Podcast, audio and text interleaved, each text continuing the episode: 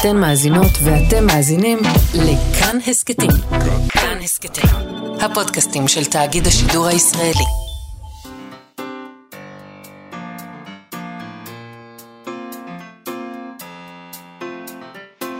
מה שכרוך עם יובל אביבי ומה יעשה לה.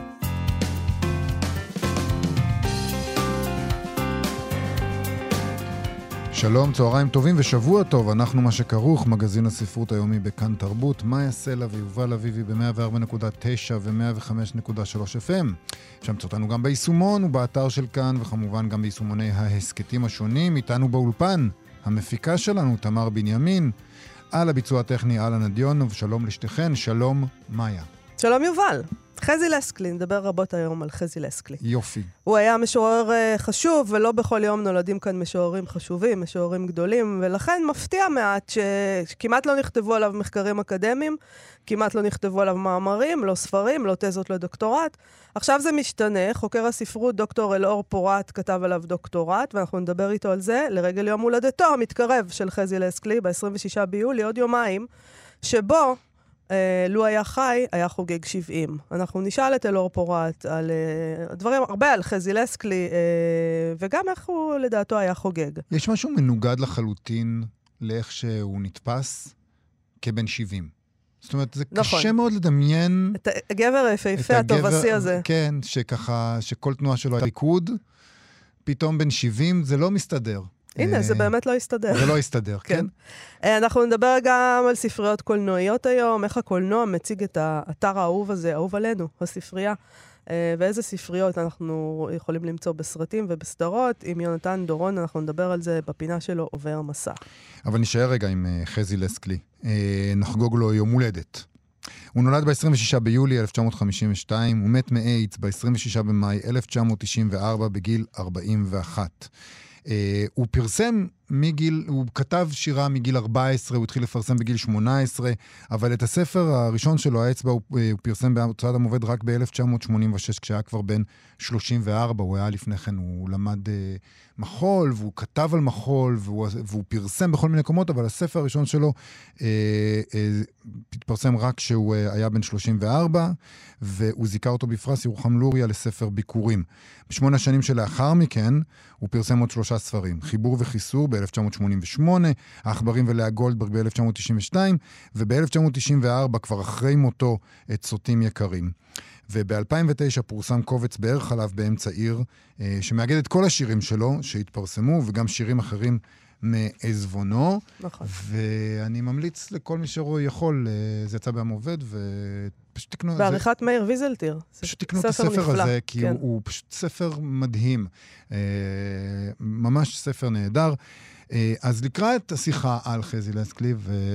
ועל המחקר עליו, חזרנו לתוכנית טלוויזיה, לגעת בקצה המחשבה עם אורן יצחק, משנת 1975, זאת אומרת, חזי לצקלי בן 23, הוא כבר מפרסם קצת שירה, אבל הוא עוד אפילו לא קרוב ללפרסם את הספר הראשון שלו. נכון. אה, והוא מדבר שם על שירה, והוא קורא שירה.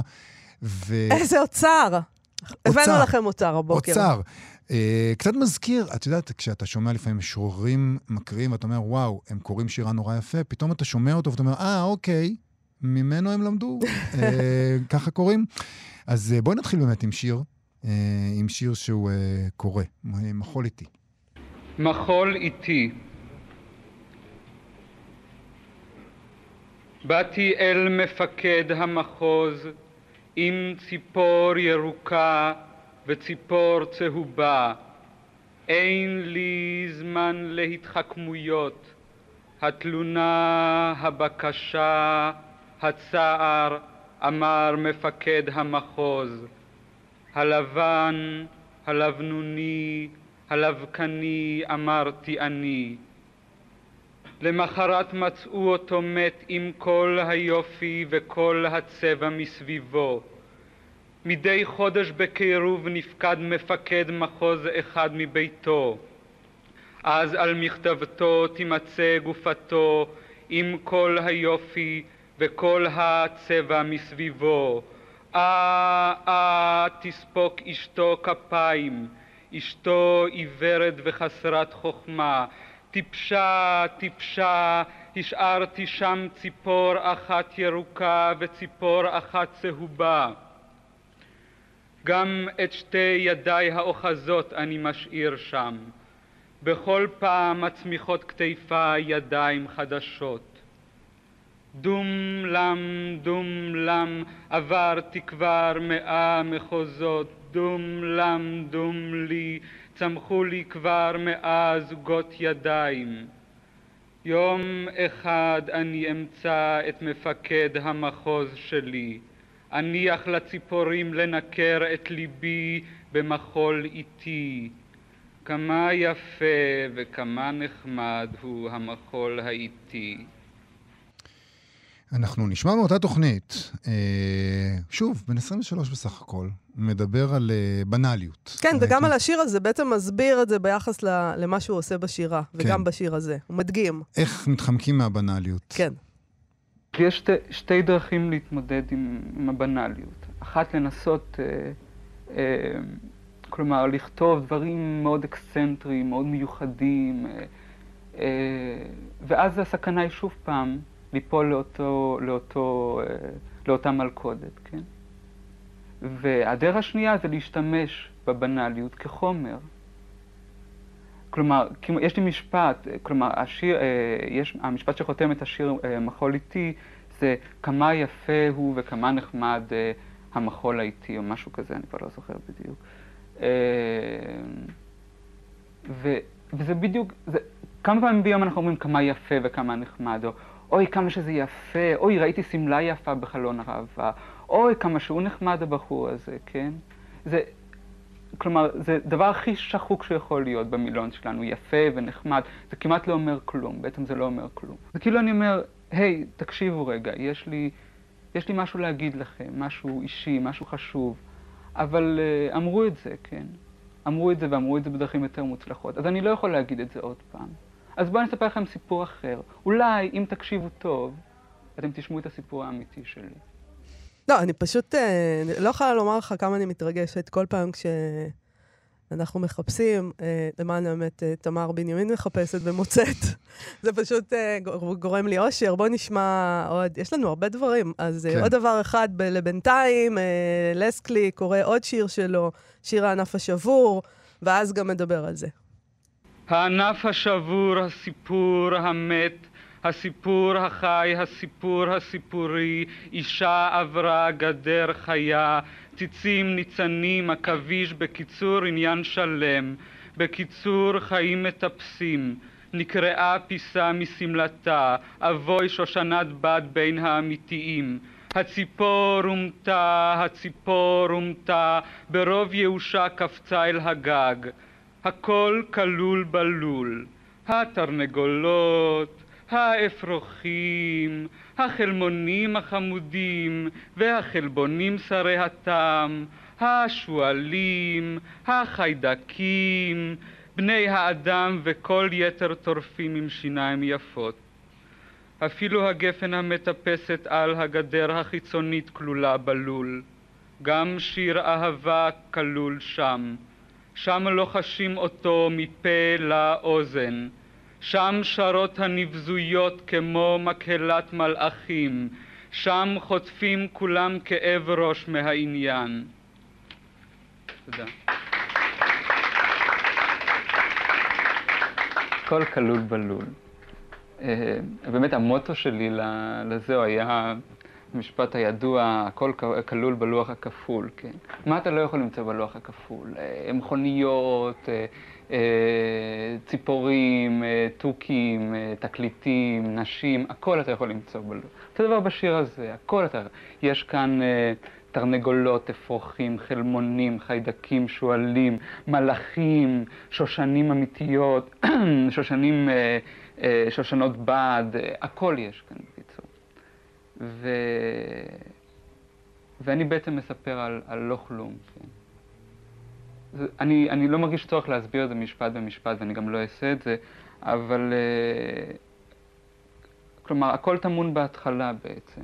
הענף השבור, הסיפור המת, הסיפור החי, הסיפור הסיפורי. אני בעצם רציתי לספר על, ה...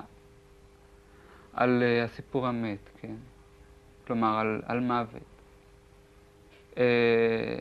זה נושא שאני, שאני פוחד לדבר עליו, כן? אה, גם בגלל שאני פוחד וגם בגלל, אה, גם בגלל שכל כך הרבה מדברים עליו. והוא פשוט גדול עליי, כן? פשוט נושא גדול עליי. אז uh, העדפתי לספר על, ה, על הסיפור החי, כן? אז בסיפור החי יש הכל בעצם. הכל, הכל קופץ ותוסס ומרקד והכל שטויות. חוטפים מזה בסוף כאב ראש. בעצם, בעצם הוא רוצה לדבר על המוות. כן. Uh, מדהים. חזי לסקלי, משורר ענק uh, שבעוד יומיים היה יכול לחגוג uh, יום הולדת 70, לולא היה uh, מת uh, uh, בגיל צעיר מדי. Uh, בדת, מחזה תיאולוגי לשישה גברים ומוזה, חלק מהספר העכברים ולאה גולדבר, חזי לסקלי כותב uh, שיר מפי הדמות של אלוהים האמיתי. וככה הוא אומר, אלוהים האמיתי. אני בוכה כי איני מפסיק להיוולד. היוולדות נצחית היא דבר מצער. כשאפסיק להיוולד, אהיה מאושר. כולם יהיו מאושרים. חזי לסקלי הפסיק להיוולד במאי 1994, כשהיה בסך הכל בן 41, אבל uh, לו היה ממשיך, היה חוגג uh, יום הולדת 70, ולכבודה הוא היה מקבל מתנה. הדוקטורט הראשון שנכתב על שירתו, שזה מפתיע uh, שלא נכתב עליו... Uh, אולי אם הוא לא היה מת, היו כותבים עליו והיו חוקרים אותו יותר. יכול להיות שזה קשור. או אם הוא לא היה מת, לא היו כותבים עליו גם עכשיו. אי אפשר לדעת. אה. אי אפשר אני לדעת. אגיד לך, אני לא, לא רוצה להעליב אף אבל, אף אחד, אבל uh, זה לא נורא בעיניי שלא כותבים עליו uh, דוקטורטים. אה, לדעתך זה זה מזל. ממש בסדר, כן, לא הצליחו להחריב את דמותו ואת השירה שלו. אה, אנשים אחרים חושבים שזה סוג של מחדל, אה, שעד היום לא נכתב עליו אה, מחקר, דוקטורט מעמיק. אה, אז אה, אנחנו כן אה, חוגגים את המחקר הזה גם, נכון. והזמנו את החוקר שכתב את הדוקטורט הזה. קלות וקושי בשירת חזי לסקלי, דוקטור אלאור פורת. שלום, דוקטור אלאור פורת. אהלן, מה נשמע? מצוין, מה שלומך? בוא נתחיל עם המחקר שלך בעצם, אחרי זה נעבור לכל העוגות והבלונים והזיקוקים ש- שתכננו לכבוד יום ההולדת, אבל קודם כל, קלות וקושי בשירת חזי לסקלי, מה זה בעצם אומר? אתם יודעים, כאילו השירה שלו היא תמיד מצד אחד, אה, אגב אני אעשה ספוילר שגם את הדוקטורט שלי יש חלק שאתה צריך כזה לכתוב את כל הרעיונות למחקר עתידי, ששם אתה עושה את כל הדברים שלא היו מספיק מעניינים אה, להיכנס למחקר עצמו. כן. אז כזה כותבים את זה שם, ואז סיימתי בציטוט, אה, אה, אבל העתיד הוא רעיון אידיוטי. אה, זה בדיוק ה- גם את הקלות, גם, גם את הקושי, ובעצם את השני צדדים של השירה שלו, שהיא מצד אחד כל כך טראגית, איומה, פטאלית, אין מוצא, אין תקווה, אני, אבכה, ואני אבכה לנצח, כי אני לא יכול להפסיק להיוולד. ומצד שני, גם הרוח שטות, הטיפשות הזאת, האוויליות, האידיוטיות, ההזמנה הזאת למשחק של מטפשים. אז מה אז, עומד אה, מאחורי זה, מה- מאחורי הניגוד הזה? שהרי אנחנו קוראים אותו, אה, קשה לפספס את העובדה שזו שירה טראגית, אבל מצד שני שזו שירה מאוד מצחיקה ונונסנסית לפעמים. מה, מה הניגוד הזה בעצם אומר לדעתך? נכון, אז אה, באמת, יש גם הומור שחור, שזה מין שילוב בין הדברים, אבל אה, זה בעצם, אה, אם הוא בוכה, הרי השירה שלו הוא לא בוכה, או כל השירה שלו זה להתנגד לטראומה שעכשיו אני אגיד לכם כמה רע לי וכמה אני מסתובב וכמה קשה לי. אז הוא לוקח את הדמעה הזאת ומגלגל אותה אלינו בכל מיני יחידות אה, היתוליות כאלה, והוא חותר נגד הפאתוס של הדיבור הרגשי, ובעצם אנחנו נבכה במקומו, כי אנחנו נשבור את הראש על לנסות לפתור את החידות שלו, וניכשל כמובן אה, נחרצות, ונרגיש אשמים, ונרגיש חרדים, וככה נרגיש את הרגשות שלו, אבל בעצם זה חלק מהקלילות הזאת שהוא יוצר בשירים, שהם חול, הרי אתם יודעים מה כוריאוגרף, אם מישהו מהמאזינים לא יודע, נכון. תמיד צריך להכריז את זה מחדש, אני תמיד קשה לי עם העניין הזה. שתמיד- למה? כי אני, כי אני מאוד אה, גם אסתטי כזה, ואני תמיד רוצה רק לקרוא את השירים, תנו לי רק שירה, במובן הזה אני מזדהה אולי איתו. תמיד צריך אה, להגיד מחדש, תמיד צריך להתחיל מחדש, זה גם הטרגדיה הזאת של ההולדה, שכל פעם צריך אבל מצד אתם שני... יודעים שהוא היה, אתם יודעים שההורים שלו היו היו ניצולי שואה. אתם אז זהו, שהוא הבי- היה מאוד- ה- אתה- הביוגרפיה, ללכת לביוגרפיה זה בעיה. הביוגרפיה. לא, לא, אתה לא חייב. אתה- לא חייב, אם אבל... אנחנו מדברים עליו עכשיו, ברור שאנחנו מדברים על זה גם. כן, אז זה- זה היה רק זרקתי למאזינים, אבל אה, אז יודע, אז הוא יוצר מין מחול כזה שהוא בעצם אה, תנועה כזאת בין האופציות, ותמיד סותר את עצמו בפרדוקסים, והתנועה עצמה היא נועדה להתנשל מהכובד הזה שבאמת של הביוגרפיה, ושל כל מה שהוא לא שיר, הוא יכול לתת לך המון שירים שלו שהם מין הוראות בימוי כאלה, של עכשיו תיקח, אה, תתכופף, תיקח אה, אבן, תשים אותה בפה, תמצוץ אותה בהנאה רבה. והנה, וזה ההנאה, וזה המשחקיות, וזה החפצנות, וזה גם האלמנטים הכיפיים במשח... אה, ביצירה שלו, האלמנטים המהנים המהתלים, כאילו, זה- שזה לא יהיה רק אה, טרגי, ולכן אה, זה בעצם השני הפנים האלה של הקלות והקושי של אה, להוציא החוצה כל מה שכבד וכל מה שקשה בשביל אה, איזה מין משחק, אה, משחק בלוגיקה, משחק בשפה, משחק בלשון, משחק במילים. למה אתה חושב שלא חקרו אותו עד היום? בעצם. אה, זהו, אז קודם כל אה, אני אתחיל אה, להגיד שבתור דרמה קווין מדופלם, אולי לא תמיד צריך לעשות דרמה כזאת מכל דבר. אז זה כאילו, המקצוע שלנו, על מה אתה מדבר? נכון, לא, אבל קח את זה, קח את הכל. לא, לא, גם, גם יונה וולך נגיד שהיא, אה, אה, תראה, מאור הגולה ושמש העמים, לקח כן. אה, 20-30 שנה אוקיי. עד שהגיעו לכתוב עליה, ועכשיו זה מגיע, אבל אפשר לתת, אה, בדוקטורט נתתי שלוש סיבות, אבל הם לא שכנעו אותי, אז אני... יש גם ויש סיבה גם רביעית. סיבה רביעית. ברור, זה היה באמת מחווה מוצרת לשיר. אז אה, הסיבה הראשונה זה באמת, אה, אפרופו יונה וולך, זה שזאת שירה כזאת, שזהו, שיש תקיפה כזאת, ששנות ה-80-90, זהו, יונה וולך מתה, קבע האור על השירה החדשה, עד עד הימים נגיד של עדי קיסר ונועם פרטומו, זו מין תקופת אופל כזאת, גם אה, מבחינת המעמד של השירה. כן. וסיבה שנייה זה שהוא באמת, זאת שירה, כאילו יש לה נושאים, יש לו באמת ההורים שלו, אה, ההומואים, אה, אה, יש הגירה, יש גלות, יש המון נושאים גם שנורא מעניינים חוקרים, באמת, שמזכירים הרבה פעמים את השואה וה... וההומואיות, אבל הוא גם, גם לאומיות, כלומר, וקפיטליזם, אפשר למצוא את כל הנושאים הגדולים, אבל צריך באמת לאהוב לשון ולוגיקה, ולרצות לשחק אה, איתו, ובשבילו גם לפעמים כדי באמת לעסוק בו, ושזה לא יהיה רק השני שירים שהוא כתב על ההורים שלו, או, או שניקח איזה תיאוריה על השפה שלא יכולה לייצג את הריק הטראומטי ונדביק אותה על השירים. כאילו צריך באמת לאהוב את כל הדברים שהוא עושה, ונראה לי שזה תמיד פחות אוהבים. והסיבה השלישית? אה, ואפשר גם להגיד משהו על הקורט, כי תמיד אמרו עליו שהוא באמת שהוא נורא מורחק כזה, קר, והוא נורא כן. רחוק מהחיים, כי זה הכל, הרי הכל כאילו רק שאלות באסתטיקה, ביחס בין המחול לבין, ה... לבין השירה. אה, ומילים, ולכן זה כאילו לא עוסק ברגשות אנושיים, וזה לא עוסק בדברים שאתה לא יודע, שמעניינים אנשים, לי בתור פרשן, מסוחב פרשנות זה מעניין, כנראה שלפי הביקורת זה שם אותי די גבוה במד הסוציופטיות, אבל אה, אז אה, זה הסיבה שאמרו שזה מין קר כזה, קורס חלקני כזה, אז זה נראה לי מה שמרחיק אנשים. אתה יודע, אני חושב באמת אולי סיבה רביעית, אה, שהוא מין משורר כזה של שנות ה-70, שבעצם התחיל לפרסם בשנות ה-80, כשלאנשים כבר... כמו ש... זה קצת קשור אולי למה שאמרת על יונה וולך, אבל לאנשים קצת אה, נגמר הכוח משירה מאוד סתומה אולי, משירה, משירים ארוכים, מ, אה, מ, מהדברים, למשל רואים אצלו הרבה נגיד את השימוש בחפצים, שמאוד מזכיר אה, את אהרון שבתאי, ש, שהיה לאנשים באיזשהו שלב קצת קשה לקרוא את הדברים האלה, והם עברו בשנות ה-80 למשהו, הם ציפו למשהו הרבה יותר פשוט אולי. אה, זהו, אני חושב שאתה צודק, כי אני חושב שמצד אחד הוא כן, הוא אפשר עם אה, במין רוח פרדוקסים, צריך לי כזה להגיד שהוא המשורר שהכי מתאים לפייסבוק, שלא מתאים לפייסבוק. כי כן יש משהו נורא באמת קליל, וההומור הזה, והתיאטרליות, ודברים שהשירה הלכה עליהם אחר כך, פשוט את הקטע הווידויים לקחו נורא, נורא ברצינות, שעכשיו אני אבוא וקונן על נוער גורלי, וכמה היה לי קשה לעשות אה, סקס, וכל הדברים האלה. כן. עד היום, אה, עד הרגע הזה, כן. הם לוקחים את זה ברצינות. כמו שאמרתי, השירה שלו מצד אחד היא כן, יש לה את הקלילות והקופצנות הזאת והקמפיות ודברים שהם כן, נגיד, יש בהם משהו פופי, אבל הוא באמת נורא סתום ואי אפשר לפענח אותו, אז זה, זה, זה נכון, זה מין על, הטסטר הזה שבין שני הדברים האלה.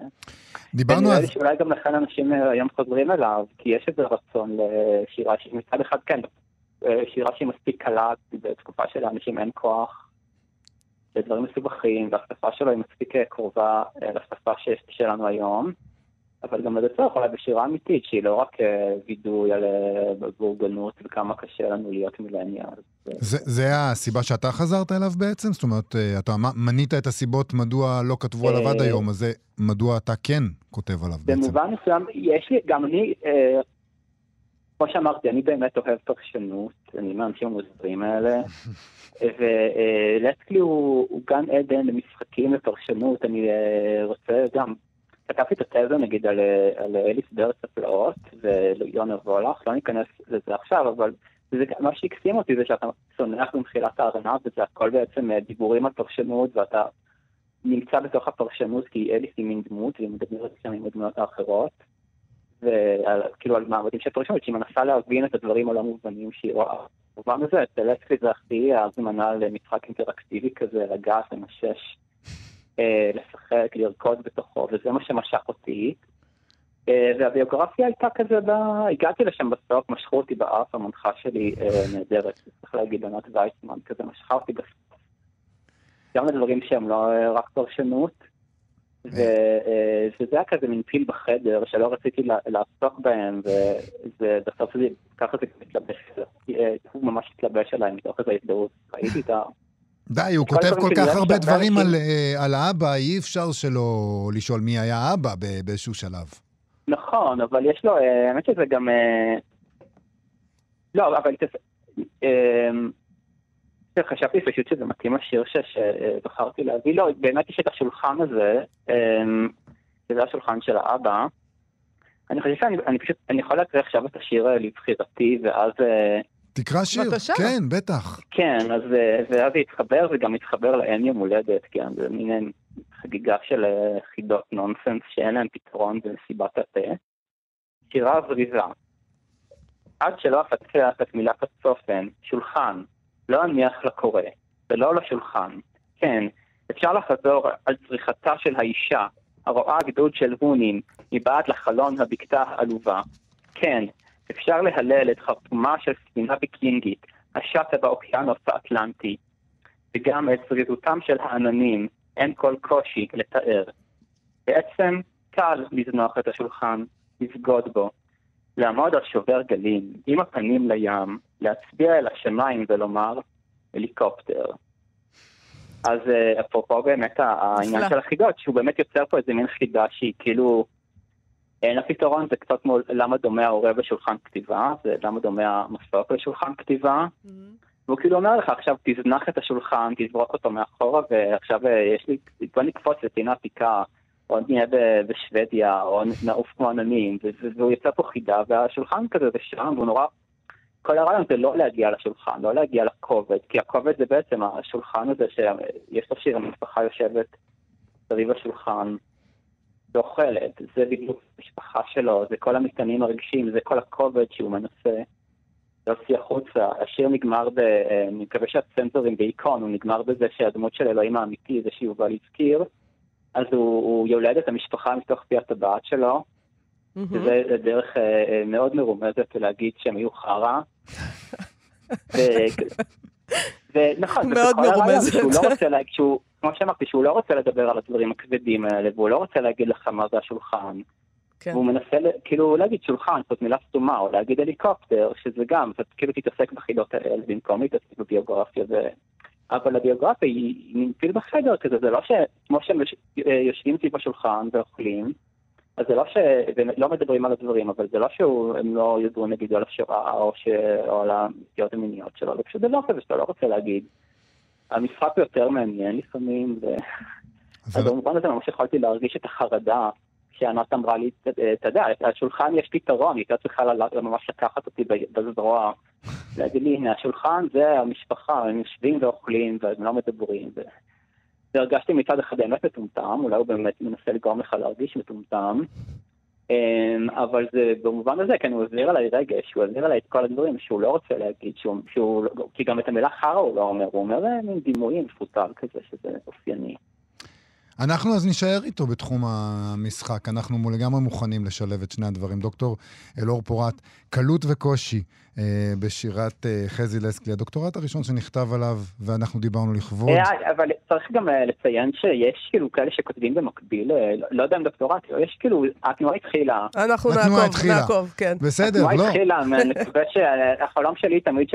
הנחשול, הנחשול ממש. אה, שיכתבו כל כך הרבה שישכחו לצטט אותי ולא יהיה לי אכפת, כי כאילו לאט. לך, לאט לך. תודה רבה. אה, תודה. דוקטור פורט. תודה רבה.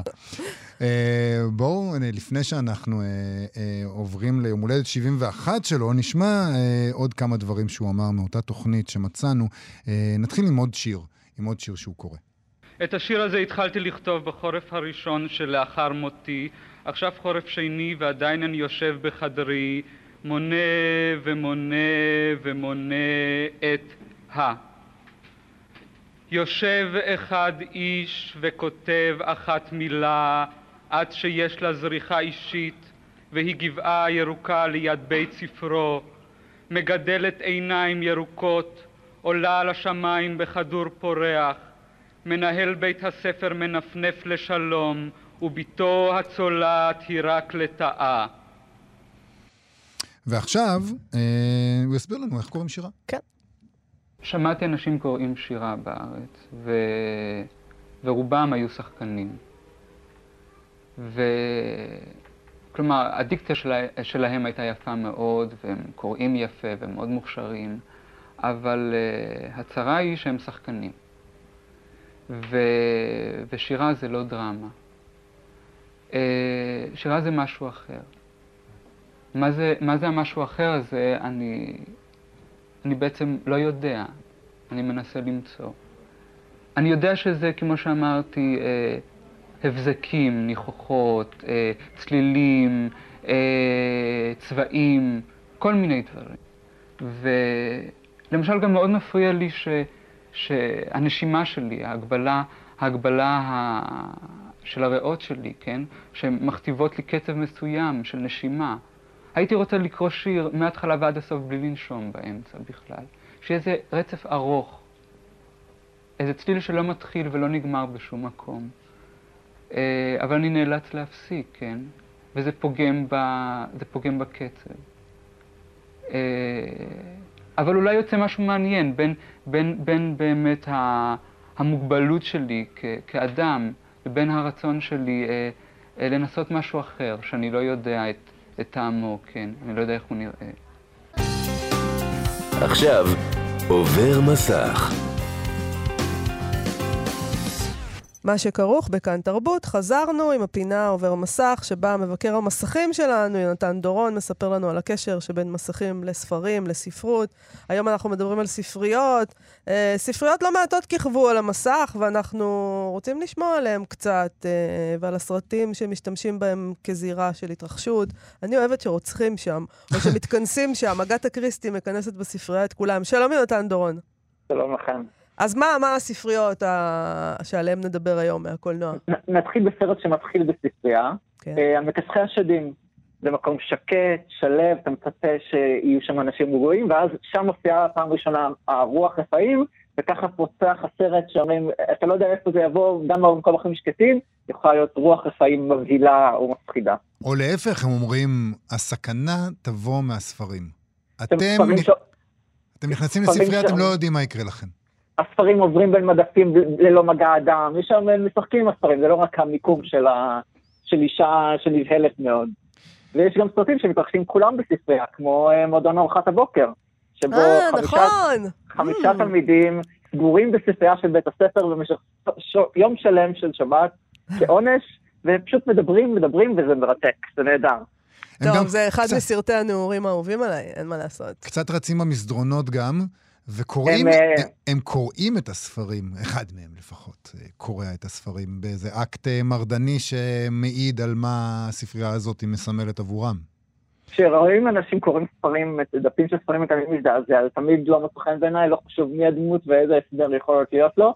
אה, זה נורא, אבל בספר, בספרייה יש שם מישהו אמר, אני אף פעם לא הייתי פה. מה זה? זה באמת, אה, זה מאוד מבטא גם את הדמות, דמות שקוראת הרבה וחכמה עם משקפיים בדרך כלל, היא אה, הספרניות תמיד עם משקפיים בסרטים וסדרות. נכון. אמ, אז זה מראה על משהו, זה מצביע על משהו. אה, בבאפי, שזאת סדרה, טיילת הערפדים, יש שם אה, עונות שלמות בספרייה של בית הספר, יושבים, עושים תחקירים, פותחים ספרים, אה, איך, איך לפגוע ברשע. יש איזה פרק שתלמיד נכנס ובחשדנות אומרים, מה אתה עושה פה? הוא אומר, באתי לקחת ספר? זה באמת יוצא דופן, אבל אה, יש כזה, אה, רוצים לפעמים לקרוא. אתה יודע, זה מעניין אה, החיבור הזה, כי התחלת במכסחי השדים. הספרים זה המקום שמהם השדים יוצאים. אבל הספרייה, כמו שאתה אומר, הרבה פעמים גם משמשת את, ה... את מי שלוחם בשדים, כמו בבאפי, או שדים קצת יותר מציאותיים, נגיד כמו בשבעה חטאים, שהפתרון למציאת הרוצח מצוי בספרייה ו... ובספרי התיאולוגיה שנמצאים בספרייה הציבורית בניו יורק. כן.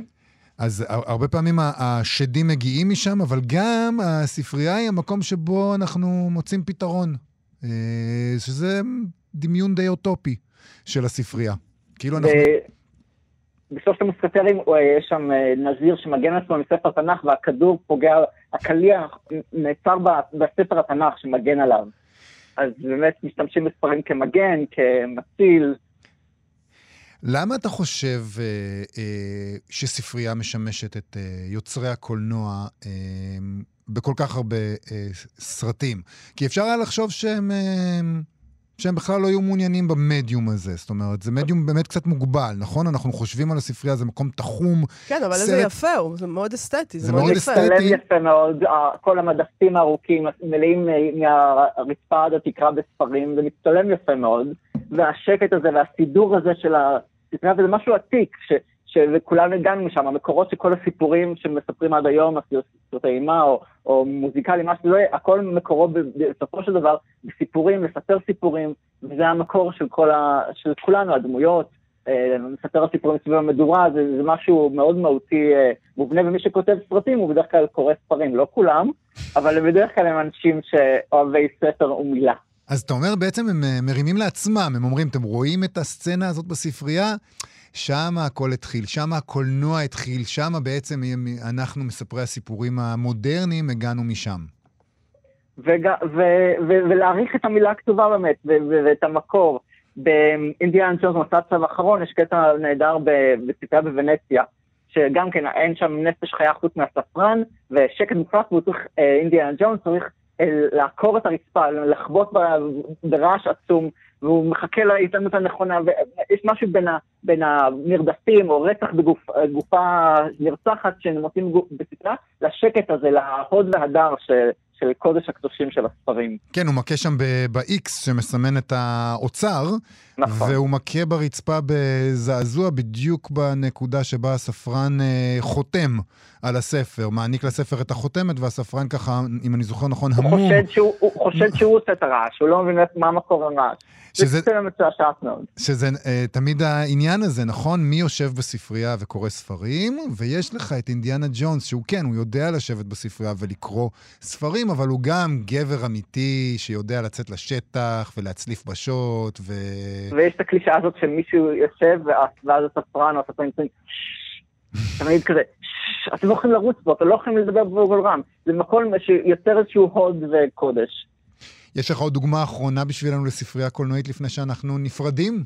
יש סרט נוראי של רומן פולנסקי, השר התשיעי, וג'וני דפ זה עוסק הרבה בספרות ובספר קדוש, ומרד- ופשוט הדבר היחיד שאני זוכר זה שהספרייה שאני מצטרפת, אמרתי, יאללה, יותר מהר, תשרפי, זה בסדר, שהכל יישרף, שיגמר, לא יכול יותר. זה באמת סרט נוראי, ויש שם הרבה ספרים, אבל באמת, אתה, זה כבר לא אכפת לך. וואו, אני הולכת לראות את הסרט, למרות כל מה שאמרת. זה נשמע מדהים. רומן עדי- פולנסקי, ג'וני דפ ספרים? מה בדיוק? זה נחמד שהדימוי הנורא הזה של שריפת ספרים, אה, הוא יכול להחליק עם אה, סרט גרוע מספיק שתרצה שהם יישרפו.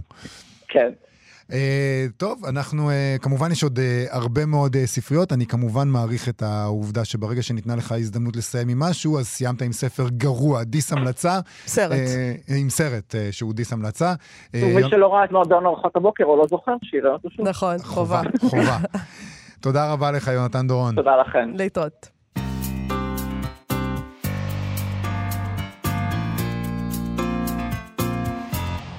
התחלנו עם... חזי לסקלי והמשחקיות שלו, נסיים עם משחק קצת שונה. קצת שונה. קווידיץ'. המשחק הפופולרי בבית הספר לקוסמים שאליו מגיע הארי פוטר. אה, זה בסדר גמור, כל אה, פנימייה טובה צריכה איזה משחק כדור שאפשר אה, להגשים בו את כל המאוויים השטניים של חלק מהתלמידים. מתברר שיש אנשים שלקחו את זה צעד אחד קדימה, והחלו לשחק קווידיץ' באמת. לא לגמרי ברור לי איך, כי למיטב זיכרוני מהפעם האחרונה שקראתי את הארי פוטר לפני הרבה מאוד שנים, הם אה, משחקים אה, תוך כדי שהם טסים על אה, מטטים מעופפים, אבל זה, כל זה כבר לא משנה, כי החדשות הן שהם הפסיקו לקרוא לזה קווידיץ', מהיום, אם אתם משחקים במשחק הזה, קראו לו קוואדבול. כדור קוואד, שקוואד... בהחלט חשוב. בגלל- תודה על המידע. זה חשוב מאוד, קוואד זה ארבע. הם אמרו את זה, כי יש שם ארבעה כדורים? לא אין לי שמץ של מושג, אני לא ממש אה, התעמקתי בהארי פוטר, לא נעים לי להגיד. אה, בכתבה בניו יורק טיימס, מותר להגיד את זה? זה כאילו מין וידוי כזה שאמרתי כאילו כלאחר יד. את, זה, זה אומנם מפחיד להגיד את זה, אבל זה לא הפעם הראשונה שאנחנו אומרים את זה בתוכנית. אנחנו, שנינו, לא כל אתה כך... יותר ממני, אני חושבת, אה, קצת התעמקת בזה. קראתי אה, את הראשון, אוקיי. ו... אתה יודע להגיד אה, על הקווידיץ' שזה מה זה ואיך זה, מי זוכר? מה? הם תשים שם על בסדר, אבל זורקים כדורים. טסנו על מטאטא, מכשפות על מטאטא, זה לא המצאה שה... אתה יודע שזה היה קודם היא- באגדות, כן? זה לא היא אומרים, המציאה. אומרים שהיא לא המציאה כלום, היא פשוט יש לה ידע רב במיתולוגיה, והיא חיברה את הכל ביחד. ידע רב, מכשפות על מטאטא, הייתי מצפה שהיא. קצת תמציא קצת יותר בסדר, מזה. זה רק בהתחלה, היא היא מוסיפה כאילו שם כשהיינו מיתולוגיה ילדים זה מה שהיינו משחקים, לוקחים את המטאטא של אימא וכאילו אנחנו מכשפה על לא, לא, באמת. סוס. אתה ברחובות היית עושה סוס. אצלנו זה היה- בהרצליה מכשפה. מטאטא, ותראה מה נהיה. אה, טוב, בכתבה בניו יורק טיימס שעוסקת בעניין החשוב מאוד הזה, יובל, מתברר שחברת האחים וורנר, שהפיקה את סדרת הסרטים, אה, שמבוססת על הספרים של רולינג, אה, וגם זאת שמחזיקה בזכויות על המשחק, הרימה קשיים על קבוצות שונות שפיתחו גרסה אמיתית של המשחק, שזה אני תמיד שונאת שהם עושים. כי יש מעריצים, תנו להם! מה זה מה הדבר אתם הזה? באים עכשיו הורסים? הם עושים לכם יח"צ זה חינם. כזה גם חזירות כזאת, הם דרשו מהם כסף עבור הזכות להשתמש בשם. כן. כן, כי אין לך מספיק כסף. אז uh, כמובן שזה פחות התאים להם, והם גם שינו את השם, כמובן כדי ליצור בידול בינם לבין התכנים של רולינג, שממנה ממילא הם מעוניינים להתנתק. uh, בגלל uh, ההסתבכויות הטרנספוביות שלה בשנים האחרונות, נקרא לזה ככה. כלומר, מי רוצה בכלל להיות מזוהה איתה? כן. בואי, אנחנו נקרא לזה בשם אחר, נמציא משחק אחר. הרבה מאוד מעריצים של לך הארי פוטר. מאוכזבים אה, ממה שהיא אומרת על אה, כן, טרנסים זה קצת וטרנסיות. מאכזב. זה מאכזב מאוד. זה מאכזב גם אם אתה לא מעריץ. זה לא, של תראה. אני אגיד לך משהו, זה המילה לא- זה- מאכזב היא לא קטנה מתאימה. קצת, כן. כי אני לא ציפיתי ממנה לשום דבר, אז מה זאת אומרת מאכזב? כאילו, היא אני- יכלה פשוט לא להגיב יכולה בעניין. אפשר להתאכזב מחברים, אני יכולה להתאכזב מהילדים שלי, ממנה? מי זאת? כאילו, מה זה? מאכזב. אה. סתם התנהלות מאוד טיפשית, בוא נגיד, יש לה. כן. תשמעי, אה, דיברת על הקשיים שהאחים וורנר אה, הערימו על האנשים האלה, וזה קצת משונה, כי לפי הכתבה בשנת אה, 2017, בריאיון לאתר החדשות הקווידיץ' פוסט, מהמם, שמוקדש למשחק. מהמם. וזה הכל אמיתי, אנחנו לא ממציאים דבר. יש uh, הקווידיץ' פוסט, הוא סוקר את התחום הזה. כן. אה, אז אחד הממציאים, המייסדים, סליחה, של הליגה האמיתית לקווידיץ', אה, שיבח דווקא את היחס של וורנר בראדרס. הוא אמר שהם נדיבים ביותר בכך שהם מרשים להם לנהל את הליגות ואף למכור כרטיסים. הם אמנם סירבו לאשר להם אה, בזמנו למכור את המרצ'נדייס, את החפצים המסחריים של הליגה שנושאים את השם קווידיץ', כמו חולצות וזה, וכבר אז הם ערערו בשינוי השם, כי זה המון כסף. אה, אם אתה כותב quadball, אתה יכול למכור את זה. טוב, אה, הוא אמר, אני אוהב את הארי פוטר, ואני תמיד אוהב את הארי פוטר, אבל אם הספורט שלנו יצטרך את הארי פוטר כדי לשרוד, כנראה שהוא לא כזה טוב, ואני מאמין שהוא נהדר. אז בשבוע שעבר, כאמור, הם שינו את השם, ובארגון הקווידיץ' הבינלאומי תלו את זה בעיקר. אה, האמת, הם אמרו שזה בגלל שהם לא רוצים להיות מקושרים לגברת רולינג ולאמירות הטרנספוביות שלה. כן. אז הקווידיץ' האמיתי, זה... לא, אנחנו ממשיכים לדבר על זה, אה? כן, יש עוד מילה. אוקיי, בסדר. גמור. זה נקרא גם קווידיץ' ל... אני לא יודע איך אומרים את המילה הזאת. מוגלגים. מוגלגים? Mm. זה האנשים הרגילים בספרים של הארי פוטר. אני רק קראתי את המילה הזאת, ובעברית. לא, אני. לא, לא שאני יודעת איך אומרים את זה, אבל ככה אני? אומרת את זה. לא אכפת לי. תסלח לי, זה- אני קוראת את זה ואני אגיד מה שאני רוצה. בסדר? אוקיי. זה אנשים רגילים שאינם קוסמים, אז אנחנו משחקים קווידיץ' של אנשים רגילים שאינם קוסמים, ולכן אנחנו לא יכולים לעופף על מטאטא באמת. פרץ לחיים בסערה בשנת 2005, כשכמה תלמידי קולג' החליטו, אמרו לעצמם, יאללה, בואו נצא לדשא ונשחק קווידיץ'. אני מאמין שהם היו שיכורים. כי מה... איך... זה לא... אה, זה לא יכול היה להתרחש אחרת, נכון? נכון. וזו המלצה אה, לנו בכלל. לא חייבים לאמץ כל דבר שתלמידי קולג' אמריקני שיכורים עושים. הם לקחו כל מיני אלמנטים מהמשחק, שמהספרים של רולינג, רכיבה על מטאטא, הם, הם רוכבים בתמונות, יש תמונות של הליגות אה, לקווידיץ' בארצות הברית, הם רצים עם מטאטא בין הרגליים, שזה אידיוטי. מדף הספרים שלנו הוא כל כך ריק. מדף הספרים אה, המערבי, החילוני, כן, כאילו, זה קשה, זה העגלה- מאוד קשה. העגלה ריקה. העגלה הריקה, כן. הם זורקים, הם רצים עם מטאטא בין הרגליים, זורקים כדורים לתוך חישוקים וכל מיני דברים כאלה. שום דבר למרבה הצער לא מעופף שם. שזה, היה- אם, אם זה היה מעופף, זה כבר היה ספורט אולימפי. אני נכון. חותם לך על זה. חכה, תן לזה זמן. אלפי אנשים משחקים את המשחק הזה ביותר מ-40 מדינות, אז לא הייתי ממהר לזלזל בו, מאיה. אה, כן, העם- הסתבכתי פה עם הרבה אנשים, זה כן, נכון. ומעריצי הארי פוטר הם אנשים מאוד מאוד אה, רתומים למטרות שלהם, אני מתנצלת בפניכם, באמת, לא התכוונתי. אני אני כבר מתחילה להבין את ההשלכות של המעשים כי שלי. זה לא רק בארצות הברית, את מסתבכת גם עם ישראלים. כן. בישראל יש, לפי ויקיפדיה, אני עשיתי מחקר מעמיק בוויקיפדיה, כן. יש כמה קבוצות שמשחקות קווידיץ' לבני אדם רגילים. Mhm. אה, יש שם קבוצות כמו רעמי תל אביב, שהיא, מסתבר, הקבוצה הראשונה בארץ לקווידיץ'. כן. סליחה, קוואדבול. סליחה, קוואדבול. וסופת תל אביב, שהיא גם קבוצה לקווידיץ'. לא, קוואדבול, קוואדבול. חייבים להתרגל לזה. עולם חדש. אני, אין לי בעיה. להתרגל לזה, כי אני לא. רגילה לא לזה ולא לזה, וזה לא כזה אכפת לי במה הם משחקים, כאילו, בכלל, כל אחד שישחק במה שהוא רוצה, באמת. אני, כן. פשוט, למה, להטריד אותנו בדברים האלה? אה, אני אומר, יש, הסיסמה של אה, הניו יורק טיימס היא, כן, כל מה שמתאים לדפוס. זה הסיסמה שלהם. אני יודעת, וזה היה מתאים לדפוס. זה היה מתאים לדפוס. בסדר גמור. בבקשה. אז זה זמננו לסיים עם זה, עם זה ככה. תודה רבה לתמר בנימין, המפיקה שלנו, ולאלן נדיונוב שעל הביצוע הטכני. אה, בואו לבקר בעמוד הפייסבוק שלנו ושל כאן תרבות. אנחנו נהיה פה שוב מחר, אלא מה? להתראות. להתראות.